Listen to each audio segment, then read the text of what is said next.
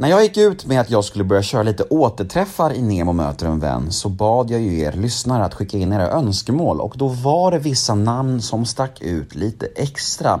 Och veckans gäst är ett av dessa namn, nämligen den otroligt sympatiska och begåvade och mysige Anastasios Stasse Solis. Stasse är faktiskt en av de gäster som jag har kommit närmst eh, genom dessa år. Vi har setts privat, vi har ätit lunch och haft en del kontakt genom åren och han är verkligen en kille som man genuint omedelbart tycker om och eh, vi kommer prata om detta i denna podd, hur vår relation har sett ut genom åren, vad som har hänt sen jag träffade honom sist, det var ju några år sedan nu och eh, hur hans karriär bara blomstrar och gud vad jag unnar honom det för han är verkligen en fantastisk människa. Jag heter Nemo Idén på Instagram, följ mig gärna där, då blir jag superglad. Vill ni mig något så kan ni alltid mejla mig på nemohedén gmail.com Skicka gärna era önskemål på poddgäster dit. Ni kan skicka mail och bara kolla läget med mig. Ni kan skicka vad ni vill. Jag blir mycket glad när ni mejlar mig. Och den här podden, ja, den klipps ju precis som vanligt av LL Experience AB som bland annat gör Göteborgspodden. Nu tycker jag att det är färdigsnackat från min sida. Nu drar vi igång veckans avsnitt. Nemo möter en vän, avsnitt nummer 318. Plats på scen för Stasse Solis. Och nu kör vi en liten jingel, precis som vanligt. Och här kommer den! Nemo är en kändis, den största som vi har. Nu ska han snacka med en kändis och göra någon glad. Ja! Nemo, ja det är Nemo. Nemo möter en vän. Som du är inne på, som din kompis också, alltså det är så mycket fokus på barnen som man nästan inte ens tänker att man är i en kärleksrelation. Nej. Man är, man är, man är förälder liksom så. Mm. Och då sa min sambo bara du men om vi skulle plocka bort barnen, skulle du vilja vara ihop med mig då? Är du, är du kär i mig? Så här, jag bara, ja, typ, det- det- det- man säger ja av pliktskyldighet, men jag kan inte säga att jag kände riktigt, för det är så på långt bort just nu. Ja, men det är väl, alltså det är också, man måste eh, tänka tror jag att, vad fan, det, det är inte bara att, att sätta på den känslan igen. Det är Nej. inte bara liksom Att arbeta för utan den. det. Precis, Mm. att arbeta för den och liksom de, de gångerna som man faktiskt kanske kan komma iväg ett dygn eller en helg eller whatever Mm. så måste man bara kunna ta vara på det i den grad det går. Och även, alltså en helg kanske inte heller räcker, en vecka kanske inte räcker heller. Nej. Men det är bara spekulationer från min sida än så länge. Jag, Eller jag, så- har, jag har inga barn. Jag Tack, tack för föräldratipsen Stasse. Och med det inleder vi veckans avsnitt. Pappapodden. Precis. Jo men jag tog hit dig idag för att prata lite om föräldraskap. Ja precis. Ja precis, när, när, du fick, när du fick nej från, från alla andra unga skådisar i min ålder som är pappor. så, så var Har alla inte bara, jag- nej. Har inte jag sagt till dig att jag gjort om den här podden, min pappapodd? Jag sa inte det. Nej, Jag det. missade det DMet tyvärr. Ja precis. Men Det står visat men jag har inte läst det. Vad taskigt. Ja, vad kul. Eh, Men välkommen hit. Tack så mycket. Välkommen tillbaka. Tack. Fint att se dig igen. Detsamma. Mm, det är ju, eh, jag tycker, jag tycker om dig. Ja, vad fint. Vad glad jag blir. Direkt sådär. Ja, men jag gör det och eh, jag, jag, det finns många lyssnare där ute som har velat höra dig i podden igen och jag, ja, det är alltid mysigt att träffa dig. Tack så mycket, detsamma. Mm, härligt. Eh, Det är bra att du säger det, det, detsamma för annars hade, hade jag lackat. Då, då ska det sägas också att senaste gången vi sågs var inte i ett poddformat utan då satt vi och fikade Det stämmer, på vi, Söder. exakt, vi tog väl en fika på Rival va? Exakt, övervåningen på Rival. Precis, du fick en bok av mig. Jag fick din bok mm. som jag läste bara någon vecka senare tror jag. Du sträckläste den tror jag. Ja, eh, sa du. ja jo men jag är sådär, när det, är- när det jag försöker att läsa mer och mer. För Mm. det har jag varit ganska dålig på när jag var yngre. Ehm, och visst, det är lite så här, ibland blir det jobbigt för att jag läser så mycket repliker till jobbet. Så ibland vill man bara stänga av och, och titta på någon dålig actionserie istället. Eller jag själv hade velat att en, ens kompis skulle göra det ifall jag hade skrivit någonting. Mm. Eller ifall jag har släppt en ny film eller en ny tv-serie. Då vill jag gärna att mina vänner ska se det så fort de bara kan. Mm. Eh, för att ge mig kärlek och beröm och rosor och choklad. Och jag betalade tillbaka kan man säga genom att se den här biofilmen som typ 12 pers såg eller? Eh, in i dimman? Ja. Ja just det, Ja. det, det stämmer faktiskt. Mm. det. Och du tyckte om den sa du? Det gjorde jag verkligen. Ja. Jag tycker du var grym och, och det, det var ju det var lite deppigt att, att den bara gick en gång, ty- alltså en tid i Stockholm och så här. Ja, jag tror att vi hade jag tror att vi hade typ fem visningar totalt i hela landet. Eh, för det, det var ju en video on demand film Mm. från början men vi tjatade oss att men vi måste ju ha en premiär Ja. på, på ett eller annat sätt. Eh, men den, den finns ju digitalt men det, det var ingen biofilm så. Men då fick du ändå svart på vitt där, vilka av dina kompisar är riktiga kompisar? Några av mina bästa vänner Nemo. Var, var med. Nej, du var, för du var inte på premiären. Nej men jag var inte bjuden Nej. Nej. Det, men jag menar vilka som betalade för att se den, det är det jag menar Det, Ja, är ju ja, kvalet, förstår du vad jag menar? ja, jag fattar. Jag, jag fattar. gick in och pröjsade för att se hela filmen I så fall, i så fall är du nog topp tre skulle jag säga. Ja det är otroligt Ja. Du, eh, när vi fikade där på Rival och, och, och du fick en bok av mig så pratade vi om att du höll på att skriva manus Mm. Kommer du ihåg det? Mm. Vad hände med det? Eh, ja.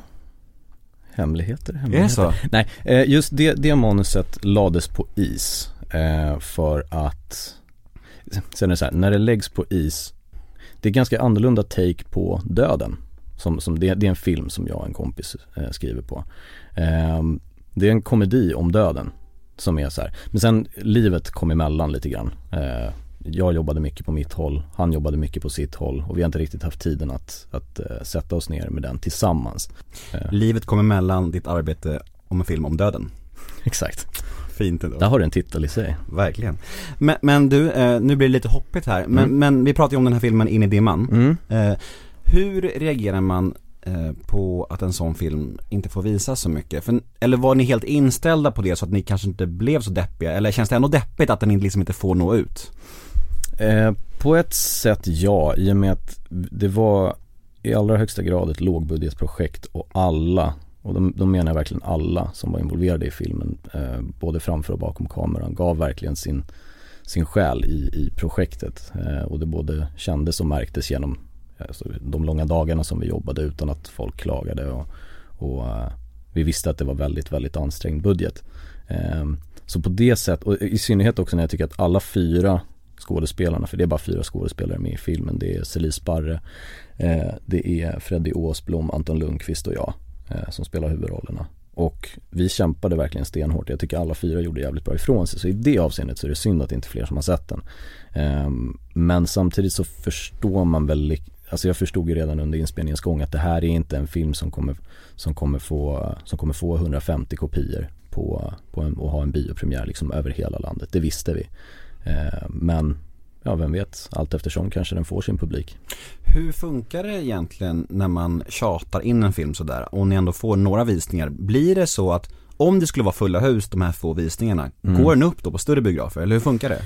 Och jag tror att det är väldigt beroende på projekt till projekt, att det kan vara väldigt olika. Jag, jag ska inte säga hur, hur exakt de, de tänkte, eh, alltså från produktionskontorets sida, om de hade bestämt sig för kanske redan innan vi började tjata att ja, men vi, vi kanske gör ett par, tre alltså, eh, biovisningar, men vi satsar på video on demand.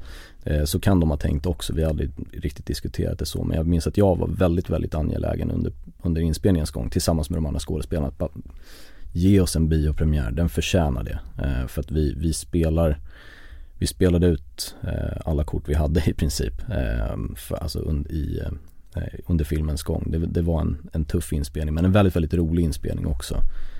Där vi verkligen fick, fick visa prov på vad vi kunde. Du fick ju ta ut svängarna lite. Jag fick verkligen ta ut svängarna Hur lite. var det då, att verkligen göra något helt nytt? Uppfriskande. Och någonting man, man på ett sätt läng- längtar tillbaka till också. För Ska vi berätta vad du spelar för roll där ändå? Ja, det kanske du kan göra bättre än jag för du har nog sett den mer nyligen än jag. Alltså jag Psykopat kan man väl säga? Kan man Ja, säga det? Ja men, Omedveten psykopat?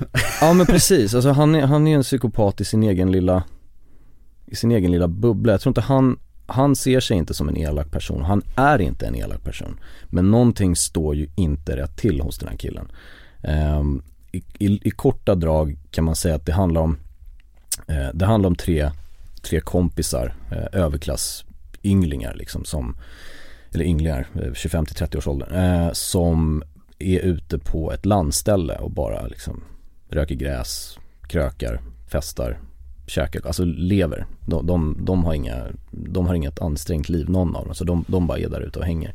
Eh, och så en dag så kommer en fjärde Eh, medlem från deras liksom barndom ut till ön. Och två av barndomsvännerna blir lite så här, eh, de som spelas av Celie och Anton, de, de är lite så här, men vad fan ska han här ute och göra? Det blir så dålig stämning och konstig dynamik när han är ute så jag skiter i dem för jag är lite den informella ledaren i gruppen så jag bestämmer att nej men han får visst komma hit och så kommer han ut dit och så börjar han ställa massa frågor om hur vår uppväxt har varit och hur man märker att dynamiken förändras vilket gör att det börjar hända saker i min karaktärs huvud. Mer, mer än så kanske man inte kan avslöja riktigt men det, det är ingen det är ingen film du knäpper på på en söndag liksom eftermiddag om du ska sitta och mysa med familjen kanske utan det här är en, en ganska svår film men jag tycker det är en väldigt fin film också. Mm. Jag tycker den var bra. Ska Mm. vi säga vart den finns? Eh, jättegärna får du göra det. Ja men vart finns den då? jag har ingen aning. Den, eh, det, jag har inte kollat upp det här, men, men den lär finnas på, på SF Anytime eh, och jag tror även att den finns på iTunes Mm. eh, Man kan kolla på några av de här eh, betal, den kanske finns på Viaplay också Mm. Kolla någon av dem kära lyssnare så, så ska ni få se mig i en jävligt häftig mustasch Vad usla vi hade varit om vi pratade om en film i tio minuter, sen bara, fast vart den finns det vet vi inte. Ja, precis. Jag har nog VHS-kassett hemma när den ligger och Den finns inte någonstans att, att streama. Nej nej exakt, så, ni har missat en chans Ja, precis. Ehm, du, eh, vi har ju ett eh, märkligt år bakom oss som man lätt kan fastna i och prata om. Ja. Hur har detta år eh, varit för dig? Eh, För egen del har det faktiskt varit eh, väldigt, eh, väldigt bra. Jag har inte drabbats i den utsträckning som de flesta andra har. Är man tacksam att man inte riktigt är en skåd, vad ska jag säga, teaterskådis? Du är, mer, du är mer film och tv kanske, just nu i alla fall. Ja, jo men det, alltså på, på det sättet absolut. Eh, med tanke på vad som händer med våra teatrar just nu. Det är ju liksom, det är en massdöd som är, som är kommande och redan pågående upplever jag det som. Ehm, men jag, jag, har haft, jag har haft många projekt som har, eh, eller flera projekt som har eh, antingen skjutits upp eller liksom fått eh, ändra om sina inspelningsscheman på grund av, på grund av coronan. Men på något sätt så har det ändå lyckats tajmas så pass bra att jag har kunnat, jag har inte behövt ställa in någonting. Jag har inte behövt tacka nej till något jobb som jag redan har fått och så. Eh, utan, utan jag har kunnat, kunnat jobba på mycket jag har jobbat mycket under året. Eh, och, och, så jag har haft en väldigt, väldigt tur med, eh, med, med hela den här pandemin. Eh, till skillnad från de flesta andra faktiskt.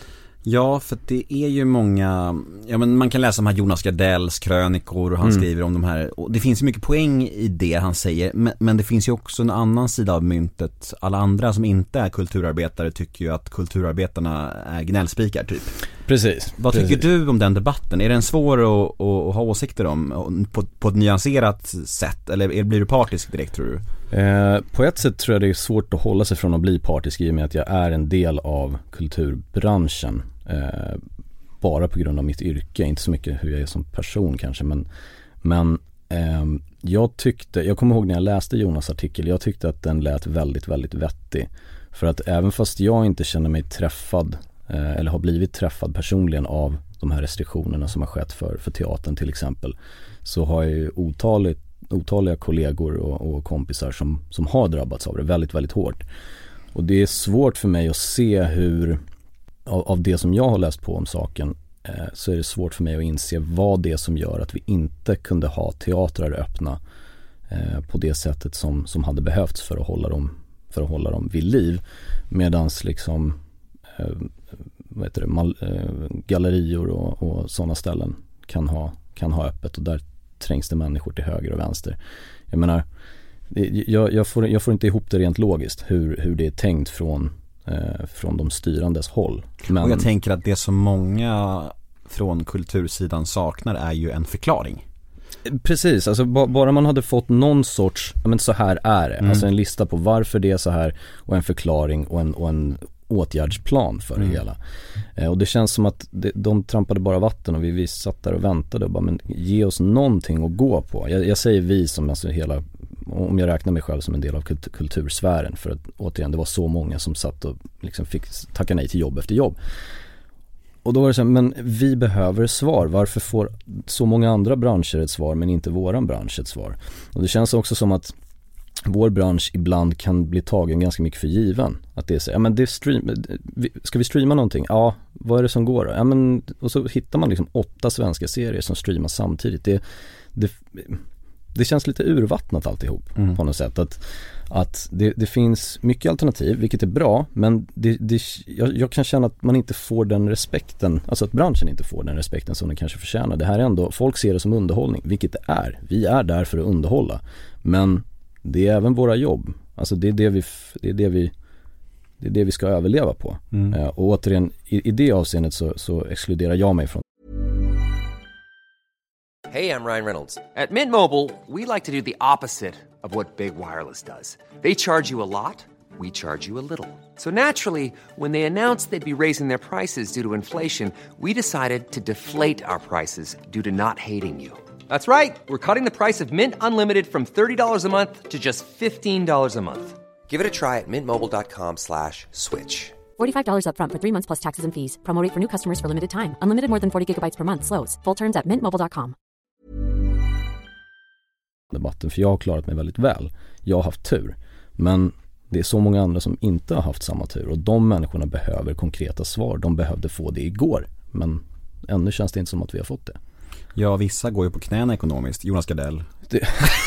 Ex- Exakt, Jonas var nog mest ansträngd men, men det är det som, det är det som i ehm, eh, Alltså och det är klart man kan skämta om ah, hans Det man angelägenheter i det. Det, ja. för man måste kunna Det kan skämta. det kan han ta. Det kan han ta, man Ja. måste kunna skämta om allting. Han är komiker, han vet det själv. Mm. Men jag tycker det är bra att han är den som lyfter frågan. För Mm. att det hade inte, det hade inte blivit samma genomslag om någon, någon eh, kostymassistent hade lyft frågan och skrivit en artikel. Då är det så här, "Ha, men vem fan är den här personen? Det är ingen som bryr sig. Nej. Och det är ju sjukt i sig men då, jag tror att Jonas insåg det läget och var så här, men då måste jag använda mig av min röst. Mm.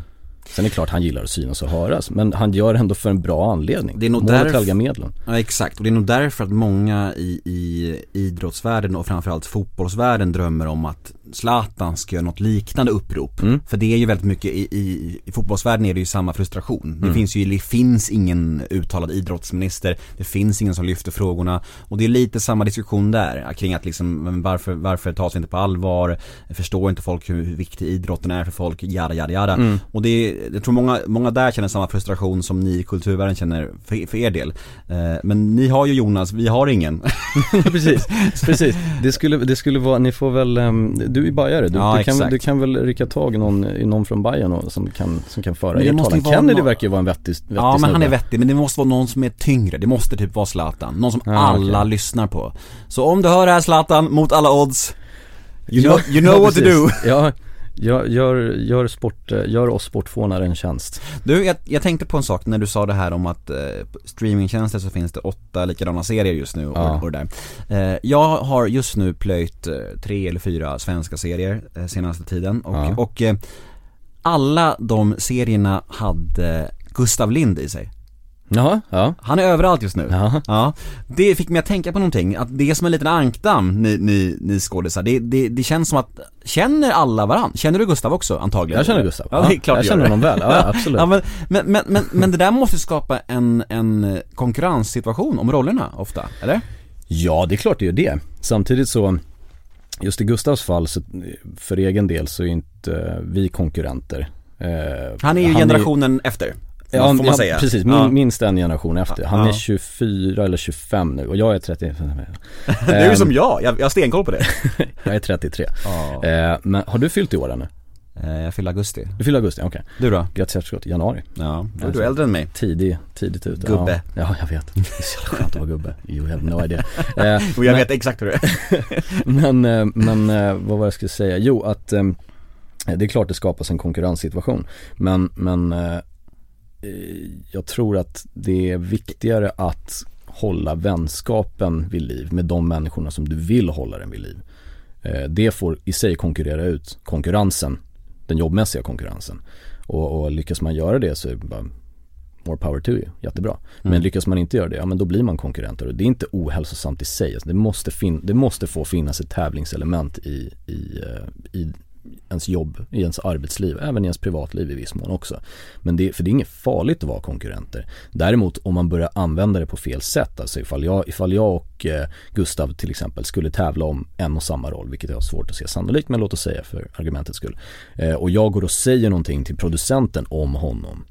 Ja men då är det en konkurrens, alltså någonting som inte stämmer. Jag ljuger för att han inte ska få rollen, för att jag ska få rollen. Det är common sense liksom. Så gör man ju inte. Nej. Eh, så en sån konkurrens, och det är, det är klart att en sån konkurrens finns. Jag, jag har sett den konkurrensen under nästan alla år som jag har varit aktiv. Men jag har aldrig varit en del av den själv. För jag tycker inte att det, behöver ens sägas, det är inte schysst. Är liksom, Nej men du är ju en good guy och det, det, det märker man ju. Men, men eh, som du säger, det måste ju förekomma. mm. Och, eh, men blir du avundsjuk? Blir du missunnsam?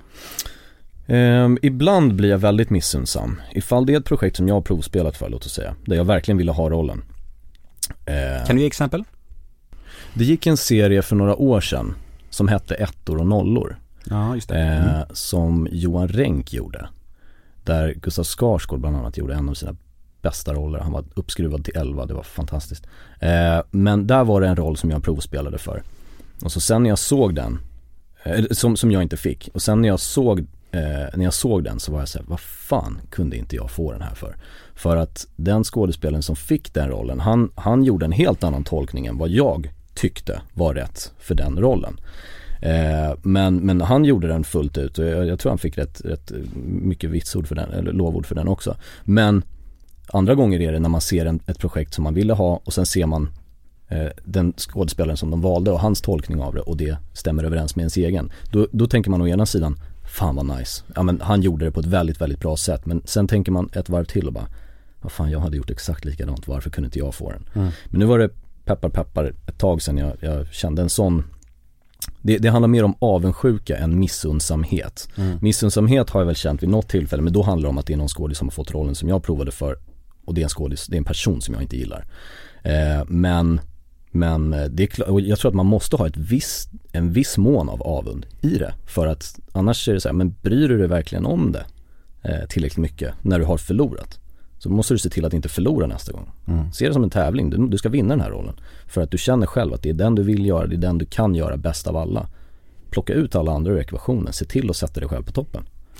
Kan man känna själv också när man är i en produktion att en annan motspelare är felkastad? Ehm, jag kan nog känna det djupt, djupt in, inom mig kan jag känna det. Eh, men jag väljer att inte Säga det till den personen.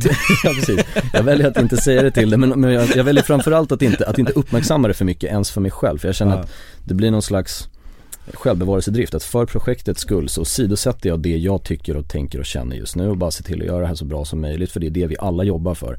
Men sen i efterhand försöka se till att okej, kanske inte försöka jobba med den personen igen. Eh, I alla fall inte, eller inte arbeta med den personen igen ifall det är så att jag tycker att han eller hon inte gör bra ifrån sig eller inte är professionell eller inte är Om det dessutom börjar sippra ut att den här personen inte är en schysst människa mot folk runt omkring sig då är det bara fuck off men då ser jag till att inte jobba med dem igen. Eh, och det Det är lättare sagt än gjort men det kan gå. Eh, och det kan vara rätt skönt faktiskt för det, det är inte kul att gå till jobbet och ha den här klumpen i magen och känna att Alltså hon är ju riktigt elak mot alla som eh, Mot alla assistenter till exempel. Jag vill inte vara i närheten av en sån person. Eller han, han liksom Han är överlägsen mot den och den. Jag vill inte vara i närheten av en sån person. Det, det är inte kul att jobba så.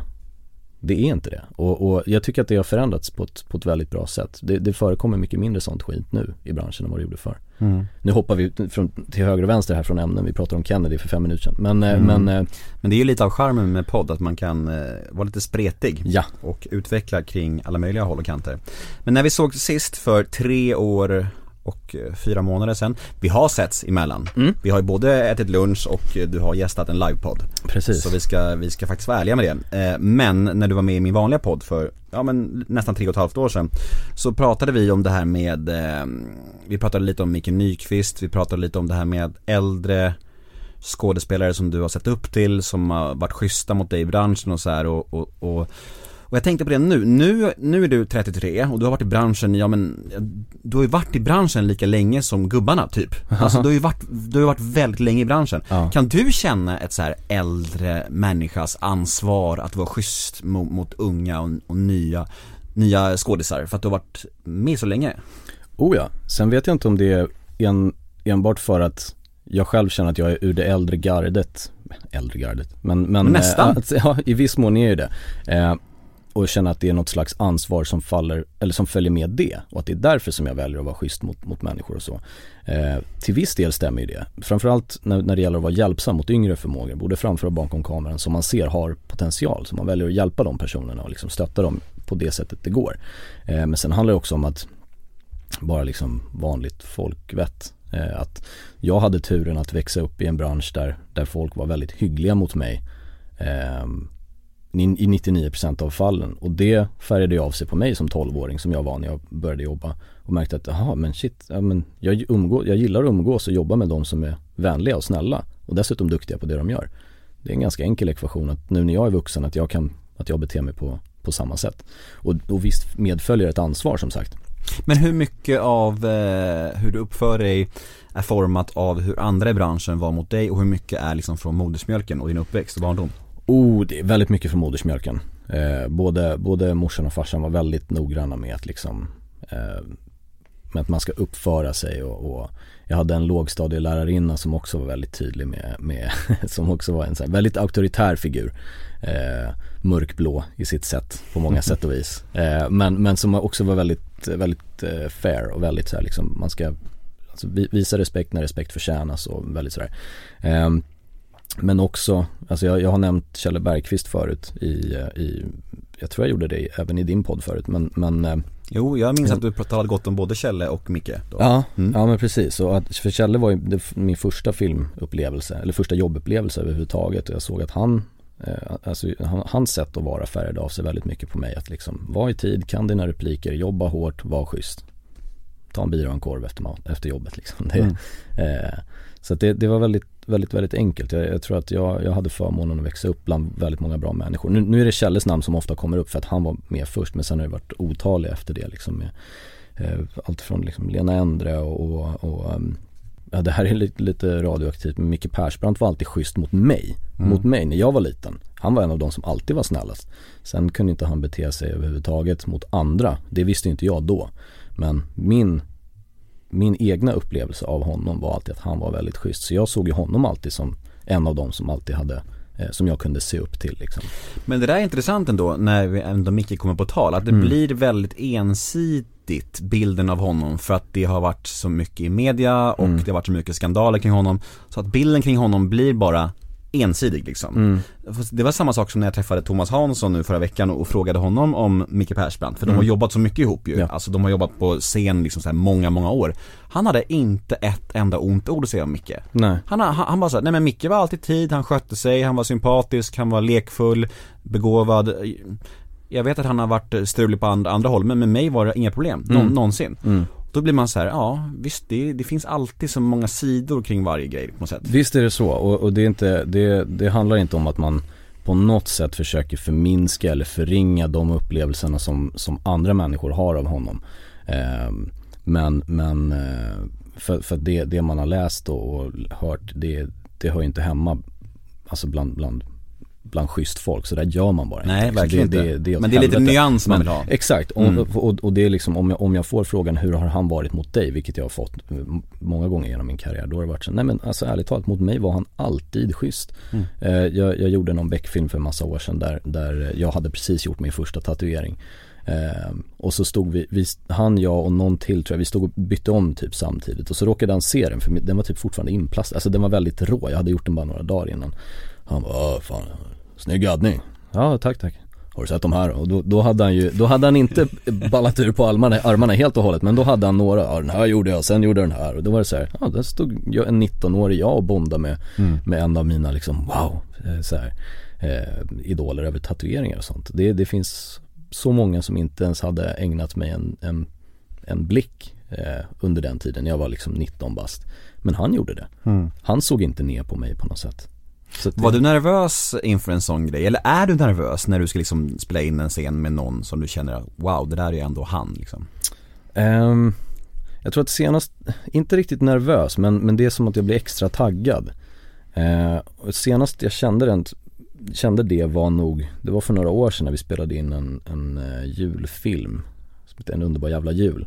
Mm, där var Robert Gustafsson med. Fin. Den är väldigt fin. Mm. Um, Robert Gustafsson var med i den och han, jag har ju liksom vuxit upp med hans, hans humor. Alltså Killinggänget och, och Jönssonligan är den största anledningen till att jag är där jag är idag. Jag växte upp med dem, med, med de humorgrupperna. Och att få jobba med Robert var en sån här, okej okay, nu, nu ska jag visa mig från min allra bästa sida. Jag ska visa att, att jag kan liksom jobba med honom på hans nivå senast. Och det har ju hänt tidigare också men, men det var nog det senaste. Han är ju, han är ju väldigt, väldigt bra i den filmen. Ja. Det är, du, det är du också såklart. Men, men, men det finns ju en scen i den filmen som jag tycker liksom är hela filmens crescendo om man säger så. När mm. han bara flippar ur där och hatar på allt som är PK. Allt som är PK, den är und, en underbar monolog. Den var väldigt bra skriven redan från början. Jag pratade faktiskt med Edvard Afzelian ja. om det. Och att, och att, Robert ville köra på ännu mer tydligen. Han, han var sugen på att bara köra såhär, det en halv, halvtimme typ. Han, var, han bara började brinna när han körde den tydligen. Han, han ville bara köra på. De fick typ bromsa honom lite såhär. Ja. ja men det var ju så. Och det var, det var det jag skulle säga, att, alltså så bra som den var skriven redan från början av, av e- e- Edvard och Daniel.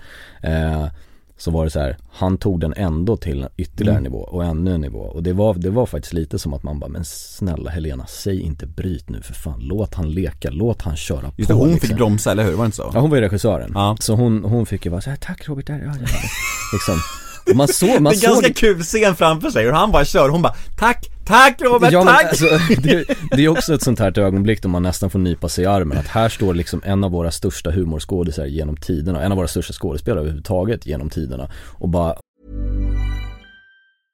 Hej, jag Ryan Reynolds. Recently, I asked Mint Mobiles legal team if big wireless companies are allowed to raise prices due to inflation. They said yes. And then when I asked if raising prices technically violates those onerous two-year contracts, they said, what the f*** are you talking about, you insane Hollywood ass?" So to recap, we're cutting the price of Mint Unlimited from $30 a month to just $15 a month. Give it a try at mintmobile.com slash switch. $45 up front for three months plus taxes and fees. Promoting for new customers for limited time. Unlimited more than 40 gigabytes per month. Slows. Full terms at mintmobile.com. Håller en vildsint harang om allt som inte är politiskt korrekt och så står Helena Bergström och försöker bromsa honom från någon slags, och hon är, hon är både regissör och motspelare samtidigt, det är så här, då var det så här, vad fan, vad har jag hamnat? Vad ja. är det här för jobb jag har ens liksom? Ja. Drömjobb Drömjobb, ja Får man verkligen säga För det, det där kan man inte uppleva på allt för många arbetsplatser, det tror jag inte Men du, eh, är, händer det att folk som har skrivit filmen är med på plats eh, på set ibland, eller sker det aldrig? Var Edvard där någonting? Jo men han var på besök några gånger, han var det. absolut. Mm. Sen, sen uh, uh, jag kan inte minnas, det var ju några år sedan, jag, alltså han var inte där varje dag, det var han ju verkligen inte, vare sig han eller Daniel. Men uh, det, det, det, är inte ovanligt att de kommer och, Nej. kommer och säger hej, ta en kopp kaffe och liksom, ja mm. hur känns det och liksom, mm. och sånt där. Mm. sånt kanske är vanligare när man, när man gör film än när man gör tv, för att när man gör tv så är det ju aldrig synande ström av av manus som ska ut höll jag på att säga. Men det är liksom nya avsnitt som ska skrivas i och med att fler och fler serier görs fler och fler säsonger också. Så de har alltid så jävla mycket att göra i skrivarrummet mm. så det är sällan de hinner ut till inspelningsplats. Du, när du gästade min livepodd så pratade vi lite om self-tapes och drömmen om Hollywood och sådana där grejer. Eh, mm. Eh, nu är det ju så att du ändå är aktuell med en Netflix storsatsning och det är väl ett steg i rätt riktning får man väl ändå säga? Ja, det tycker jag. Det ja. tycker jag absolut. Berätta allt! Vad kan du säga? Det är Sveriges första eh, långfilm på Grattis! Netflix. Tack! Det är ju stort! Ja Du måste vara svinglad Ja jag är jätteglad faktiskt. Jag är jätteglad och, och, och taggad för att se vad, eh, vad det har blivit av det hela. Eh, det har varit en, eh, en spännande resa just, alltså delvis för att vi har spelat in under, eh, under det här året 2020 som har varit så jävla knäppt på alla sätt och vis med corona och och så vidare. Red Dot Red Dot heter filmen. Mm. Eh, det är Alain Darborg som regisserar och han har skrivit den tillsammans med Per Dixon. Um, som handlar om ett, uh, ett par som, ett ungt par som åker upp till uh, fjällen för att tälta och titta på norrsken och liksom boosta sitt förhållande lite grann för de har haft det lite tufft. Men så när de väl är där så de, hamnar de i beef med två lokala jägare Eh, och en natt ute på fjället så upptäcker de ett eh, lasersikte på, sitt, eh, på sin tältvägg. och först tror de att det, ja, men det är väl någon ungdom som jävlas eller någon, någon, sån, någon ungdom, fan vad jag låter som en gubbe. det är väl någon tonåring eller någonting som jävlas men, men sen så börjar det smattra liksom. Det börjar skjutas mot tältet så de tvingas fly. Mm. så det blir en sån här katt och råtta-lek uppe, uppe över fjäll och berg. Och is och snö och allt vad det är. Så, eh, och allt Spännande. Efter, ja, väldigt, väldigt spännande. Sen allt eftersom så börjar man upptäcka att det är grej, någonting hos det här paret också som det här perfekta söta paret som kanske inte riktigt står rätt till heller. Så det är, vi lämnar det där. När, ja men verkligen. När kommer den? Den kommer i februari är det sagt. Mm. Eh, och jag har nog inte fått något precis datum än. Men ja, vår, februari var det jag hörde senast. Kommer den sändas på alla Netflix eller blir det bara svenska? Hur Nej, den, nej den, överallt? Den ska ut i hela världen. Ja. Det är, jag tror att Netflix har jag tror att den går till typ 180 länder. Ja, fy Eh, fan vad så fett. det, det kommer bli en helt annan För jag tror att, jag tror att, jag, anledningen till att jag frågar var så här, att om, om det kanske baserades på hur bra den går i Skandinavien först så här. Jaha, nej, Nej. nej, utan de, de kommer släppa den Fan globalt. Helt- Ja. det ska bli, det ska bli fett för att det, det har man inte riktigt varit med om förut Nej. heller. Eh, och det är alltid kul att vara med om det första av någonting. Mm. Och att få lira huvudrollen i en Netflix-film är ju, det, det vågar man ju knappt drömma om för. Är det det första du gör som släpps eh, över hela världen sådär? Så vitt jag vet, ja alltså som, som släpps så pass sp- utspritt så, Mm. så liksom på en och samma på en och samma dag. Eh, sen är det ju andra serier och filmer som man har gjort som successivt har spridit sig vidare. Eh, vet- Studentfesten?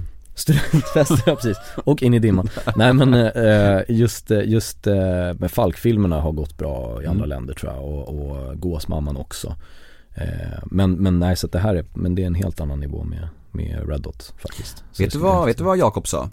Jakob eh, gjorde ju också ett återbesök i podden nu för några veckor sedan Förlåt, jag, Eklund? Ja. ja. Ja. Och, eh, och eh, det avsnittet har ju släppts nu när, när det här släpps, så det kan jag prata om. Eh, han sa att det var lite snack om eh, lite mer Falk. Mer Falk? Ja. Att han, att han hade, hade, hade, hade fått, det hade snackats om det fanns ryktes i, han, hade haft lite möten och så här. Jaha okej, ja det, de, de, det, lycka till säger jag. och jag, jag insåg precis att det där lät mycket mer ironiskt än vad det var menat. Jag, Du lät jag- lite neggig nästan. Ja, ja, verkligen. Lite såhär bitterljuvt eftersom jag, eftersom jag inte är med längre.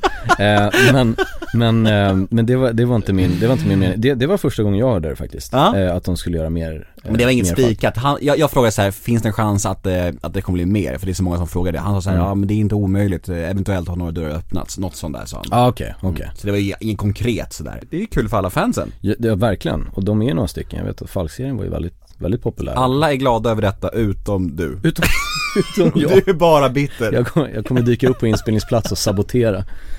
Men vänta, dog inte du i säsong två? Jo, jo, jo. jag är bara här för att se till att det går rätt till. Det här är en prequel. Det här, exakt. det... Felix the beginning 12 år gammal Minigangster Snor godis på Yum Yum och så vidare Eller hur? Men det skulle ju gå att göra en prequel kring eh, Seth Rydell. Det är väl det enda som skulle funka kanske. Ja, ja men verkligen Där var det ju en spin-off på G på riktigt ju.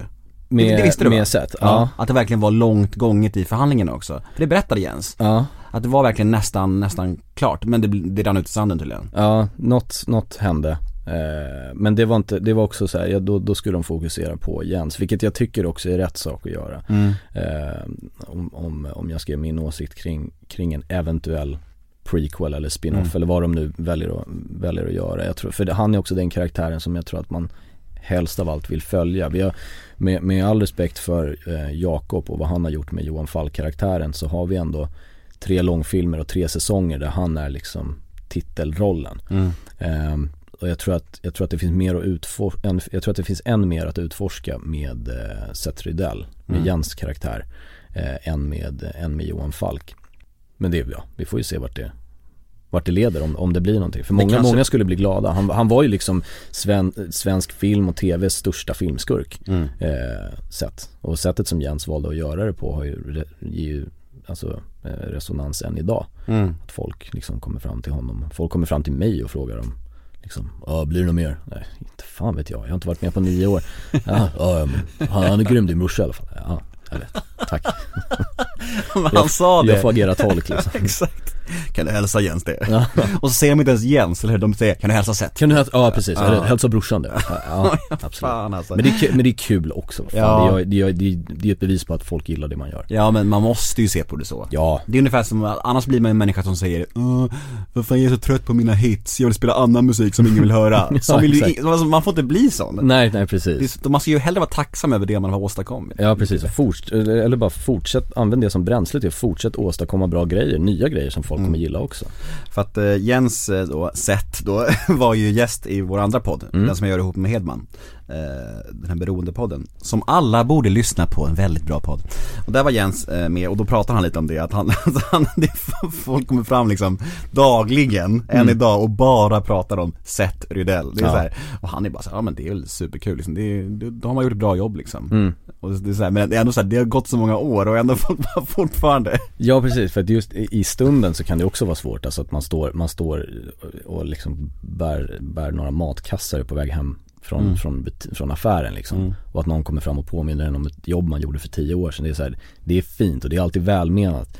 Men det är också där och då kan det vara så här, ah, jag vet, jag, nu vill jag bara hem och laga min ryggbiff. Kan du? Det intressanta dock med Jens är att, eh, alltså de flesta bad boysen vi har i, i Sverige, de här, men om vi kan nämna dem, de här klassiska macho bad boysen, Micke Persbrandt, Ola Rapace, Björn Bengtsson, de här, de som ses som lite mer macho bad boys.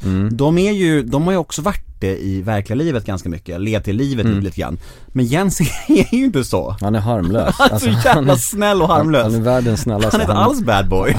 Nej, jag, jag, jag tar så ofta tillbaka till, till ett minne vi hade från när vi hade kollationering inför säsong två på Falk. Eh, vi satt där och, för de som inte vet, kollationering är när man sitter eh, hela, hela eh, skådespelarensemblen och läser igenom eh, alla manus, alltså alla avsnitt tillsammans för att höra varandras röster igen och liksom, bara få en känsla av allting. Eh, så då hade vi kollationering och då satt Jens, han hade sådana här små tantglasögon på nästippen Eh, och satt och läste så här, nu ser jag inte riktigt, vad är det för, alltså han, han, han betedde sig som en 60-årig gubbe, det var fantastiskt. Eh, och det var no, någon, så här, någon byggarbetsplats utanför som han tyckte lät för mycket. Men nu, nu är det maskiner där, hallå, är det någon liksom? Och det är så roligt att se, för han, han är fullständigt harmlös, han är jätte, jätte, jättegod. Han kan nog uppfattas som lite barsk, det, det tyckte jag också i början om Jens, men han är väldigt, väldigt varm hur en sån person på ett så övertygande sätt kan porträttera en sån demonisk skurk som, som Seth Rydell är. Det är, det är ganska imponerande faktiskt. Det är bra skådespeleri, Mm. om inte annat. Ja. Nu, nu, nu flög vi ifrån din Netflix-film här lite grann. jag vill ju prata det mer om den. här. Ja men vi pratar mer om det. Jag vill ju veta, jag vill ju veta, vilka är med mer? Är det några Eh, mer kändisar med? Kändisar. Kändisar. Åh, du vet jag förlåt, hatar förlåt, det ordet. förlåt. Jag, jag ville säga etablerade skådisar, men jag orkar inte säga orden. Så jag sa kändisar. Så det, ble, det blev kändisar. Förlåt, Eh, ja, förlåt. nej men det är, det är jag och eh, Nanna Blondell som spelar huvudrollen. Mhm. Eh, sen så är även eh, den gode Thomas Hansson med. Mm, en gammal bekanting här i podden. Eh, En gammal bekant, en, en gammal, gammal rövare. Mm. Eh, sen har vi eh, Khaled Mustonen är med, Mm. eh, som är en sån här, Khaled och jag har ändå känt varandra i några år och han, han är en sån här kille som alltid går in och gör liksom roller som egentligen kanske inte är så mycket på papper men han går alltid in och gör någonting med dem. Han, jag, jag, jag tycker Kalle är jävligt, jävligt duktig faktiskt. Vi har en ganska liten ensemble faktiskt. Eh, Johannes Bakunke är med också. Mm. Eh, som, som nu är med i, han kör ju den här Kärlek och anarki som också går på, går på Netflix. Den är i min uh, to, to see-list. Se den, Mm. se den. Den, den var rolig faktiskt. Jag, jag gillade den. Eh, men så det, det, det är en del av, av casten i, i vår, eh, vår film här, Red Dot. Och eh, det, det var också så här att jobba med Thomas var också en häftig, för jag växte upp med, med eh, Vägen ut-filmen. Eh, som vi pratade om lite här innan. och eh, eh, han, han var ju en super bad guy i den. Så att jag, jag har ju alltid varit lite så här, oh shit, där är Thomas Hansson. För jag, jag har aldrig jobbat honom, eller jobbat med honom. Jag har träffat honom vid något tillfälle här och där. Eh, på premiärer och sånt. Och han har alltid verkat så himla hygglig. Och nu när vi jobbade ihop så visade det sig att han var det privat också. Så sa jag det, att det är så, här, det är så kul kontrast med att när, när jag var liten så var du the worst guy on the planet liksom. Och han bara, jaha, nej men gud vad har jag gjort? Jag bara, nej nej nej, alltså, det var vägen ut. Jaha, ja, ja, sådär. Eh, himla rar. Eh, men, men så en väldigt, väldigt bra cast. Eh, och en, en spännande story, ganska osvensk i sitt sätt eh, och i sitt utförande. Mm. Och nu drömmer du om att den här ska öppna dörrar till fler gig utomlands, antar jag? Ja, Ja. absolut. absolut. Eh, bara att få ut sitt, sitt face till, till resten av världen känns ju, eh, det är lite svårt att ta på. Mm. Men, men om det leder till att en och annan dörr här och där öppnas som kan servera något smuttprojekt eh, så är det klart man, man hoppar på det. Fan vad grymt det Mm. vore. Mm. Du, man, man, man blir lite sugen på att fråga eh, om din relation med Filip Berg. Alltså, eh, eh, jag och Filip pratar om varandra så mycket i poddar och intervjuer och så här, folk kommer tro att vi bögar snart. Folk kommer tro att vi har en affär vid sidan om med Man varandra. ser, man ser er på varandras Instagram och man tänker så här, det finns så mycket mer här än vad som syns. Vad, vad, det finns så mycket mer som vi, vi, vi vill veta mer. Ja, ja. Vad vill du veta? Jag vill veta, jag, vad, vad vill jag veta? Svårt att konkretisera. Ja men precis, och jag vill försöka hålla det på poddvänlig nivå också, In, inte sväva iväg här i, i galna fantasier här. Nemo after dark Ja verkligen. Men, men hur nära är ni? Nej vi är väldigt nära. Mm. Eh, vi, har, vi har känt varandra i snart tio år. Eh, och vi är ändå liksom, eh, vi var i USA tillsammans eh, en, en kort period efter att vi eh, gjorde studentfesten ihop. Och, eh, han är ju den jag, jag brukar ringa oftast ifall jag behöver hjälp med en self-tape till exempel och, och, och sånt där. Det är, det är inte sällan vi provspelar för samma roll i samma projekt. Eh, men det, det, kan, det lyckas vi hjälpa varandra med utan att Alltså förberedelser inför provspelningar eller self-tapes eller vad det nu kan vara. Det lyckas vi göra utan att kompromissa med vänskapen utan det, det går att göra på ett, på ett professionellt sätt. Att vi är hälsosamma konkurrenter. Eh, Tror du han är, tror du han är avis på Netflix-filmen? det vet jag inte. Jag tror, om han hade fått den då hade jag varit avis på honom. Mm. Eh, men det, jag har ingen aning, jag tror inte det. Fråga honom. Det ska jag göra. Jag, det, ja det får jag, för att han, han, eh, kanske. Jag vet inte. Vem har sämst ölsinne av er? Sämst ölsinne, Mm. det är nog jag. Är det så? Ja det tror jag. Eh, jag dricker inte längre, nästan. Eh, nästan ska jag säga. Ja. Eh, det är väldigt, väldigt sällan. Eh, Varför? Det har, bara, det har bara blivit någon sån här Jag kunde ju Jag har ju aldrig varit en sån som är ute liksom flera dagar i veckan ens när jag var ung och fräsch Allt eftersom så började jag känna, vänta nu De söndagarna jag vaknar upp och inte har liksom skalleknack och torr i käften och, och det, det trumfar liksom hur kul man hade kvällen innan om man nu har varit ute. Så, att, så att det har bara blivit, blivit så. Sen har det också lett till att eftersom jag är ute mer sällan, så de gångerna jag väl är ute har det hunnit gå tillräckligt lång tid från förra gången jag var ute för att jag ska komma ihåg att, uh, vänta, jag kanske borde ta det lite lugnt. Jag säger inte att jag är ute och råsuper, det är verkligen inte så, så som är fallet, kanske någon gång om året. Men, eh, men av oss två så har jag sämre ölsinne. Uh, Filip, eh, han är lång, han får i sig många, många bira, om han vill. om han vill. Du, du var ju med i ensemblen för Partaj i sex avsnitt, eller hur? Ja, sex avsnitt mannen. Jag var med i tre säsonger. Det var typ Det stod- tio avsnitt styck Det stod sex avsnitt på, jag tror det var IMDB kanske? Ja, ja, men de har ingen. Alltså de eh, de är väldigt frikostiga i sitt antagande. De, alltså i andra serier så har det stått att jag är med i massor av avsnitt när det är så här, jag var med i två avsnitt Mm. eller något sånt liksom. Men vad fan, det hade inte jag alls en aning om. Nej? Nej men vad, vad fan, vad, hur kom det sig? Hur hamnade du där? det känns inte riktigt som du, alltså, Nej. don't get me wrong, men du känns inte som en, eh, alltså du är ju, jag vet att du är rolig, men inte som en typiskt humorskådis ändå tycker jag. Nej, nej men jag förstår vad du säger. Och alltså grejen var att, lång historia kort, men jag, jag hade det skittufft eh, privat. Jag var ute, eh, det var en period som jag var ute oftare än vad jag, Mm. vad jag brukar vara och än vad jag borde vara. Eh, men jag hade gått igenom en massa skit privat och så var jag ute och så satt jag på någon söderkrog tillsammans med någon polare. Så dök det upp en, en kille eh, som heter Adrian som, eh, som jag kände, som jobbade som manusförfattare då hos Partajgänget. Eh, och började surra med honom och han var så här, men du ska inte du, vad, vad tycker du om Partaj? Jag bara, alltså, jag har knappt sett det typ. Men du, ska du inte komma in och ta ett möte? Jag bara, ja fan varför inte? Jag tänkte att jag behöver bara fylla mina dagar med, med att jobba med så mycket som möjligt så att jag slipper tänka på allt privat liksom just nu. Eh, så gick jag in och så hade jag möte med en, med en producent där som heter Robin. Och sen så bara kom jag in och började köra och det som var skönt med Partaj var att min, min inställning från början var så här, "Ja, men jag går in och gör en grej. Men, men väl där så började man ju utveckla relationer med människor och, och, och jag trivdes jättebra på, på Partaj för det var väldigt, väldigt, väldigt anspråkslöst. Men det var ganska kul ensemble re- rent skådespelarmässigt för att jag utgjorde en, en del, eller en, en sorts skådespelare som var där som var så här, men har mest historia i drama men även lite humor. Och som är där för att ge någon slags lite mer seriös prägel i vissa sketcher här och där. Sen hade vi renodlade imitatörer som typ Jörgen Lötgård till exempel var ju där eh, länge och, och bara slaktar alla, alla imitationer han gjorde.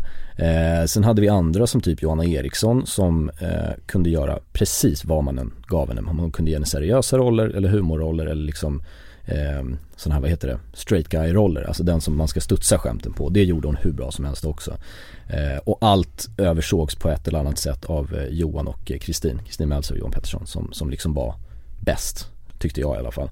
Eh, men de var ju också ankaren för programmet. De var ju liksom de två ansiktena utåt. Älskar Johan. Ja men han är, Så han är, jävla han är fin och stor björn bara. Ja, Jät, verkligen. jättegullig. Jag blev så jävla glad när han, när han fick sitt kommersiella genombrott. För det kändes som att han var en doldis så jävla länge. Ja. Så här, så här Disneyklubben och så här. Och nu känns det som att han fått en slags erkännande, äntligen. Ja. Det sitter nog längre inne när man heter Johan Pettersson, det är det. Det är svårt att bli känd då liksom, och Ja, få så här, exakt. och få den stora massan att, att, att, att, komma ihåg ens namn. Ja, ja men han förtjänar verkligen. Det, dels för att han är en väldigt schysst människa som du säger men också för att han är, han är väldigt, väldigt duktig på det han gör. Eh, så att, så att det var Mm. Jag tycker den där serien, alltså den där eh, Helt Perfekt på Dplay, jag tycker den är ganska bra alltså. Jag har inte sett den än. Den är, den är, det är väl, det är väl en, eh, en, en, vad säger man, en eh, remake på norsk serie, är det inte det? Det är möjligt att det är. Jag har inte researchat den men jag tror att den är, inte den lite Nej den kanske inte är mockumentär i sitt sätt. Jo, jo, men de spelar ju sig själva. Ja de gör det? Ja, ja, ja, Okej, ja. Och, det, och det är det som är så kul, för att alla där är ju sig själva, men det är lite twistade versioner på sig själva. Okej. Så Fredrik Granberg är med, Adam Pålsson, Jerka Johansson, och alla är sig själva men, men lite skruvade varianter av sig själva, så det är väldigt, väldigt kul. Ja. Och, och ganska, ganska mörka varianter på sig själva. Okej. Så den är jävligt roliga, så jag vill fan rekommendera den för folk att se den. Ja, men då, då Även för jag, dig. Då ska jag göra den för jag, jag, har, jag har varit riktigt duktig på att plöja serier i Mm. ska jag tala om. Ska jag tala om? Åh vilken GV, GV-grej att säga. Men då- då ska- då- då ska- mycket böcker ska jag tala Då, då ska du se eh, Helt Perfekt och jag ska se den här som du, du sa för en stund sedan att jag skulle se någonting. Det var väl, eh, du rekommenderade någonting där. Eh, on air eller innan vi började så? Nej det var, det var här i samtalet, det var någon, vi snackade om någon serie som, som du rekommenderade men jag kommer inte ihåg vad det Du får, du får lyssna i korren sen. Ja precis, Eh. jag, får, jag får snappa upp den när jag redigerar sen. Jag har fler tips, fler tips till dig sen. Som att jag redigerar den här podden, det gör jag inte. Mig lurar du inte. Jag försöker lura.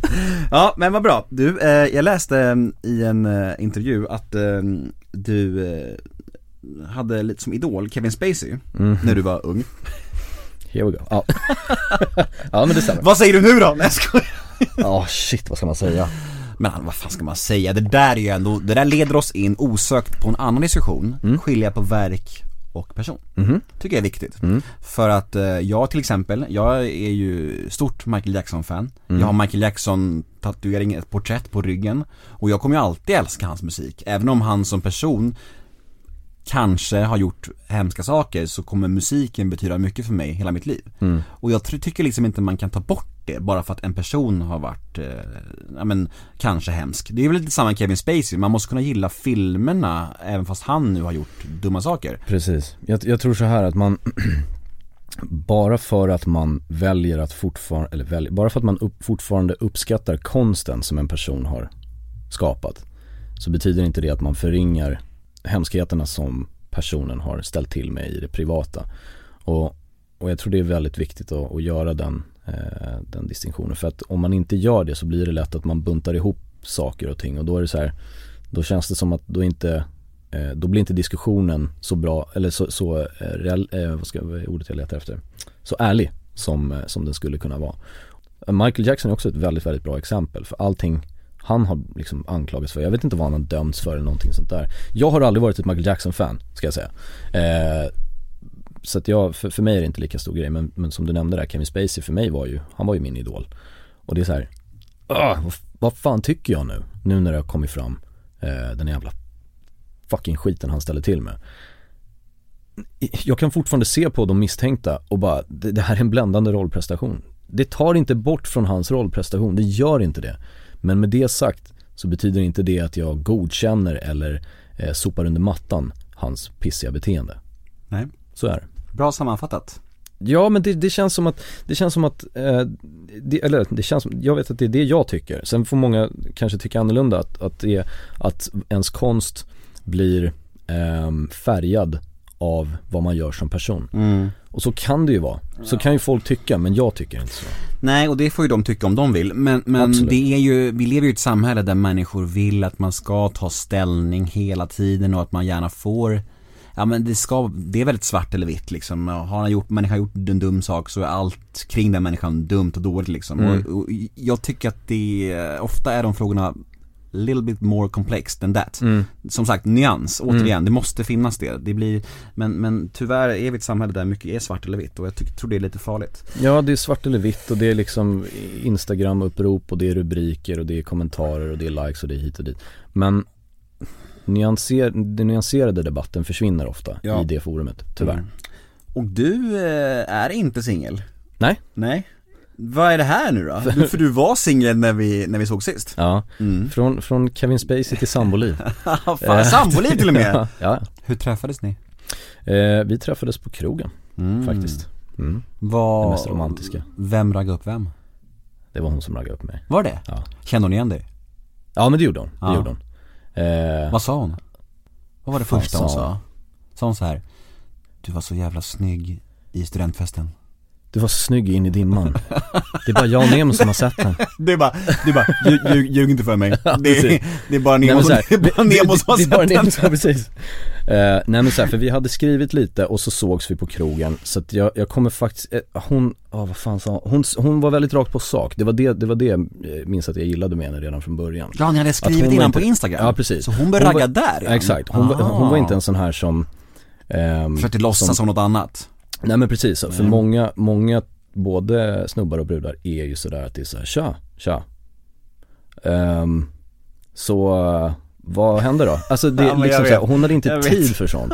Det, det, var, det, var, det var uppfriskande på något sätt som jag bara, Låtsas som att de inte känner igen en Ja men exakt, Ja, ja. exakt. Mm. Eh, så, så, så har det blivit sen dess. Fan det här minns jag så väl, jag kommer ihåg när efter efter kungen av Tylösand, när jag och Jocke åkte runt i, i Sverige och härjade på nattklubbar så, Mm. så, så var det så ofta killar framförallt som, som kom, kom fram till en och bara så här. Tjena, alltså jag vet inte vem du är men Alltid sådär, man bara, Yeah, right. man bara vad gör du här då? Går du fram och säger så till alla främlingar eller? Ja, ja precis, precis. märkligt. Fan, Så här- det, där är ett så jävla märkligt beteende. Och, eller att de kommer fram och är så här. Ja du, jag har ingen aning, men min tjej säger att liksom det här Jag kommer ihåg, det var en gång på ett dansgolv i Örebro för massa år sedan Som jag blev knackad på, på Mm. axeln. Vi stod, stod på dansgolvet där, jag och mina polare. Ehm, Och så vänder jag mig om Och så står det två, två tjejer, varav den ena så här, pekar på mig och säger någonting till sin kompis.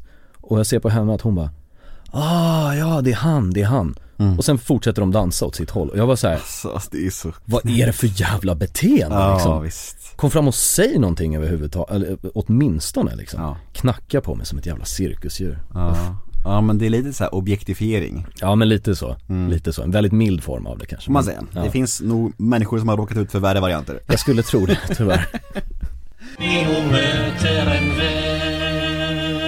Du, eh, avslutningsvis så ska vi damma av lite snabbfrågor här Ja, är du med då? ja. Paradrätt Eh, spaghetti bolognese. Det säger inte alla det som inte kan laga mat Eh, Okej, på kebab. Bra, snyggt. Ja, men det var, det var ingen diss, men, men jag tänker att det är ett sånt svar man säger. Men det är faktiskt, alltså ärligt talat så är det ett svar från folk som inte är så bra på att laga, mat. Det kan det vara, men det är de enklaste maträtterna som är svårast att laga. Jag ska säga att min bolognese är fan perfektion. Vad är det som är unikt i den? Eh, dels Alltså vilket, vilket, Du bara, vilket, köttfärs. vilket kött, vilket kött, vilket kött man har. Ja. Eh, alltså jag, jag brukar ha eh, 50% eh, nötfärs och 50% fläskfärs eller typ vildsvinsfärs. Mm. Har jag provat några gånger. Det blir, det blir så lite syrligt och härligt. Eh, steka på det är riktigt bra. Det gäller att ha rätt kryddor också. Så några andra små hemligheter som, som, eh, som finns i det där receptet. Färsk basilika, det är liksom inget Inga, inga fusk basilika här inte. Gott är det i alla fall. Vad missbrukar du? Bearnaisesås. Vilken egenskap hos dig själv föraktar du mest? Eh, Min långsinthet. Ångesttrigger? Eh, folk som eh, inte låter folk gå av tunnelbanan innan de själva går på. Det är ett bra svar alltså. Vad har du orimligt gott självförtroende inom? Bänkpress. Nej det där var en lögn. Ehm, Men det viktiga här Men, är ju jo, or- orimligt. spr- Du, springa i uppförsbacke. mm. Ingen tar mig i det. Nej, men du måste, det, det viktiga här är ju ordet orimligt. För att du, det, det ska ju vara någonting som du tror att du är bra Ah, okej. på. Fan alla missar det ordet här. Det är så Ja, intressant. du får vara tydligare. Jag vet, undrar hur jag ska formulera om den frågan, för varje gång jag säger den så säger folk någonting som de är bra på. Ja. För att frågan ska ju vara någonting som, det gäller ju någonting som du tror att du är bra på, men som du egentligen inte är så bra på. Hur blir det om du byter ut orimligt mot orealistiskt? Vad har du orealistiskt gott självförtroende inom? det Kanske, kanske bättre? Kan prova det på nästa vi gäst så får vi se. Ja. Ehm, då är det Kamma mitt hår. Fan vad tråkigt. Fan vilket kastsvar. ja men det är okej. Eh, när grät du senast? Ehm, det var förra hösten. Vad lägger du mest pengar på? Jag köpte en Fat Glider för inte så länge sedan, så prylar kan vi säga. Fat glider? Ja men det är en sån här elskoter. Ja, var det den du tog hit eller? Ja. Ja. ja. Den är så jävla rolig. Fan vad den är kul att köra. det såg nice ut. Eh, snygg hjälm. Tack. Eh, vad oroar du dig för mest? Fan bra fråga. Ehm, att min bransch ska dö ut. Vad tror du andra människor tänker på när de tänker på dig? Och då menar jag både som offentlig person och dina privata kompisar. Som offentlig person, ehm, jag tror att de tänker, eh, ser dryg ut, ehm, verkar ha hög integritet, kanske är rolig. Mm. Eh, privat, eh, väldigt rolig, pratar ibland för mycket, snäll. Jag kan ju avslöja för dig, om det här inte boostar ditt ego för mycket, att eh, vi sitter ju här på Creedcast och tjejerna här på Creedcast blev väldigt fnittriga när jag sa att du var på ingång. det var ju gulligt. Nu mår du bra va? Ja det, ja, det är klart. Jag mår alltid bra när jag är med dig. äsch, äsch. Och äntligen, Rodnar du äntligen kommer de tillbaka, de här komplimangerna som jag har strött kring mig här. Ja precis. Det är bra. Eh, vad kommer du aldrig förstå dig på att andra människor tycker om? TikTok. Bra. Du, eh, vi börjar bli klara. Okej. Mm. Grejen är att eh, jag skulle egentligen vilja prata massa om eh, så här, gåsmamman och, och studentfesten och alla de där grejerna, men det har ju vi snackat om i vår första podd. Ja. Eh, men jag tänker att det kommer ju finnas folk som hör den här podden som, som inte har hört avsnitt ett mellan oss. Och då får vi väl säga till dem så här, lyssna på det. Lyssna på det först, precis. Och, och kom tillbaka eh, och lyssna på det här avsnittet sen igen, Mm. tänker man. Det blir som en, liksom en fortsättning. Ja, Ja. Precis. En fortsättning men inte ett slut. Nej, vi lär ju ses om tre år igen. Det, ja precis, med samma frekvens. Och då kan du berätta om din Hollywood-karriär. Ja, gud ja. Då kanske vi får göra det här på länk. Glöm inte bort mig när du blir stor i USA. Jag vägrar. Nej. Vill du avsluta med några, något att tipsa om eller hälsa eller något, något? Ehm, Vad du vill. Ja men hörni, jag tycker så här att ni, ni eh, tack för att ni har lyssnat och eh, håll utkik på eh, Netflix i eh, vår. Säger- Jag säger vår för jag är inte helt säker. Mm. Eh, för då kommer vår film Red Dot ut. Eh, så den vill jag jätte, jättegärna att ni kikar på. Tack så mycket för din tid och eh, för att du var sugen på att komma hit igen. Tack själv. Hej då! Ha det hej. Hej då!